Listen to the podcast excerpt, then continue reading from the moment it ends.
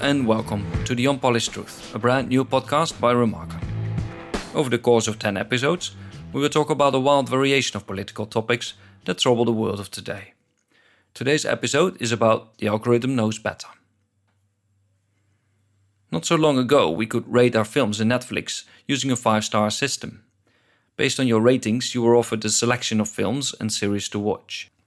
This is important because on a rainy Wednesday evening, you can fire up the website and without spending time on searching, be offered instant entertainment.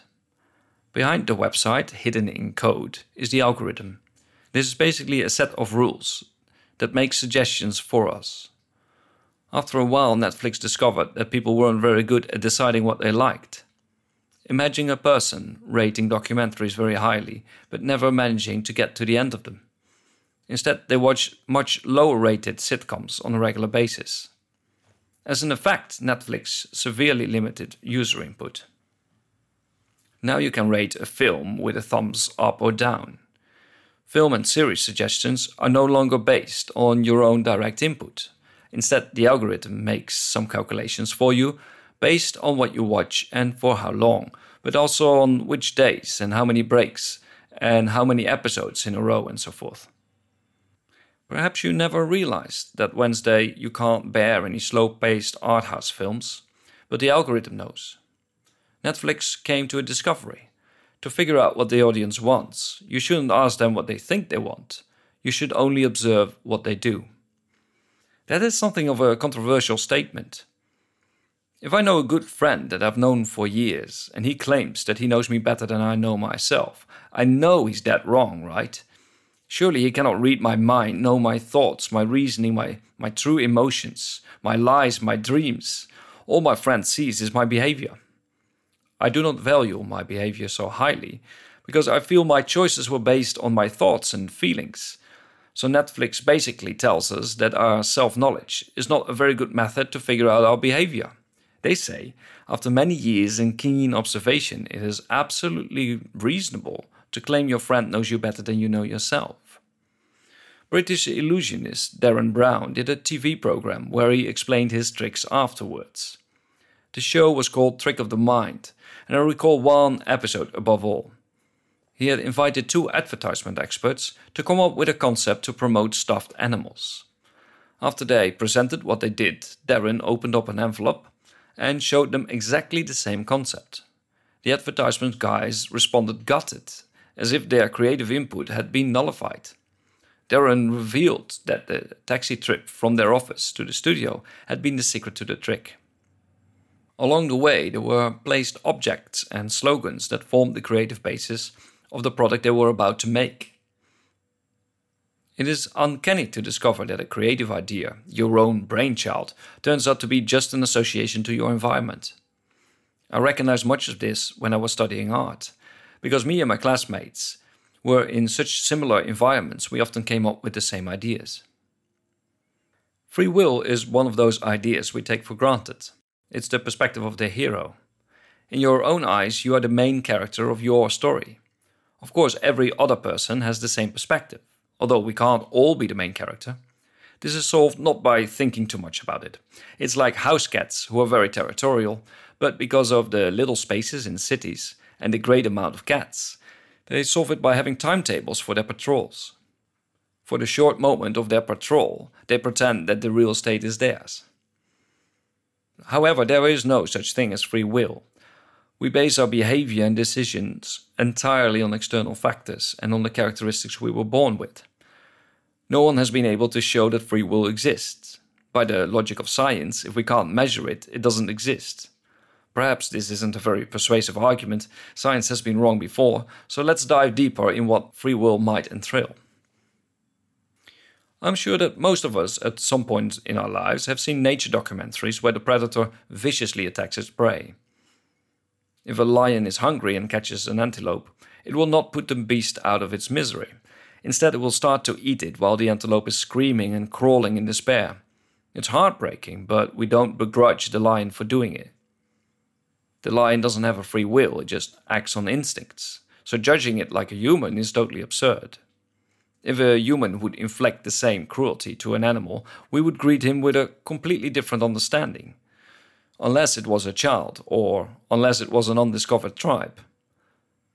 Those two have something in common. They aren't civilized yet. Before civilization, you're one with nature. You didn't know any better, you just acted on instinct. Puberty is the grey area, but once you turn 18 years old, you will be punished for your transgressions. Free will is closely connected to punishment. One of the reasons free will is so strongly intertwined with our culture is because of our religious angle. It is rather senseless to send people to heaven or hell when there is no free will. It is also why, in Christianity, animals don't have a soul. There's no place for them in heaven or hell because they aren't good or evil. Francis of Assisi, the patron of animals, claimed animals do have a soul, but their soul isn't immortal like ours. Therefore, they are excluded from the afterlife. If we look at our justice way down on planet Earth, much of it is based on the same assumptions. Justice is a word that only makes sense if there's free will. If someone only followed their nature and their culture, then the crimes that they committed weren't an act of deliberate evil. You get born with certain personality traits and into a certain environment. Both are beyond your control. We sell justice as a noble thing because the other has free will. The argument goes, he chose a life of crime. It is not the logical consequence of his nature and his environment, but instead there's a third thing at play free will opposing nature and surroundings. The convict should have embraced that more. At the same time, there's a certain type in prison. It's a time with a personality disorder. He is anti authorial and from a harsh social background. How just is our justice really? That doesn't mean that laws or punishment are a bad thing. If a law dissuades people to committing crimes, afraid of the consequences, then the law did its job. Just like with animals, we might shoot a bear when there is direct danger to people, but shooting it out of revenge is shady business. I worked for 10 years with adolescents aged between 12 and 20. Most of them were diagnosed with a mild intellectual disability. My job, in a nutshell, was to build enough tools for them to manage somewhat. A race against time, given the set deadline of puberty to adulthood. I say somewhat because their nature and their surroundings didn't provide much nutrition for becoming a model citizen. With an IQ below 85, it is really challenging to oversee the consequences of your behavior. That can make robbing a petrol station look rather appealing. Without seeing any consequences, you do not think about the cameras littered all over the place. You do not think of how prison might ruin your work opportunities, and you do not think about how being unemployed makes you less appealing to attracting a partner. Without overseeing consequences, laws have very little effect. Speaking of attracting partners, these days there's a profoundly different way of finding them. Dating sites become increasingly popular and will undoubtedly take over from whatever kind of inefficient mating ritual we had before. The whole endeavor of attracting suitors is more and more under the control of algorithms. In a handful of years, dating sites will shape the face of the future. Quite literally. Algorithms, whether we like it or not, are going to play a big part in everyone's lives. We massively give away our data for convenience and free access around the internet. The data is used to keep track of our interests, to then bombard you with similar suggestions. This is done very non sophisticated. If you just ordered a new dishwasher, the online advertisements after your research and purchase will be filled with dishwasher advertisements. Your research clearly gave away that you were in the market, but failed to register that you already got one, and how many could you possibly need? In time, the algorithms will improve and learn more by exchanging data. Advertisements are currently done on profiling. What kind of stuff does your group like to buy? Things like your age, your gender, and the place you live will flag a profile that was made for that very product. If you want to become filthy rich, let me pitch an idea to you. Instead of profiling products, build a company that profiles users.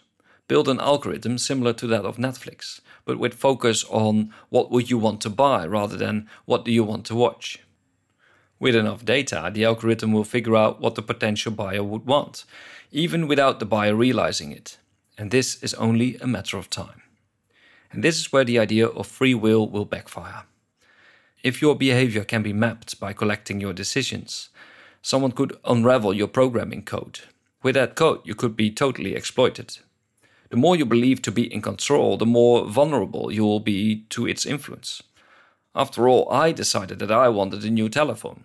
My contract is running out soon, which is nothing but a happy coincidence. I'll probably get it quickly because the amazing offer is about to expire. Imagine how impressed my colleagues will be when they find out that I have the latest model.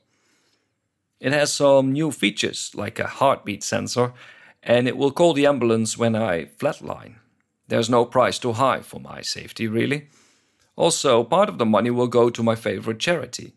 Would you believe that? So it was an easy choice, really. I organized this well for myself. All of this is already happening. You do yourself a disservice to research flight tickets on the very same computer that you purchased them on.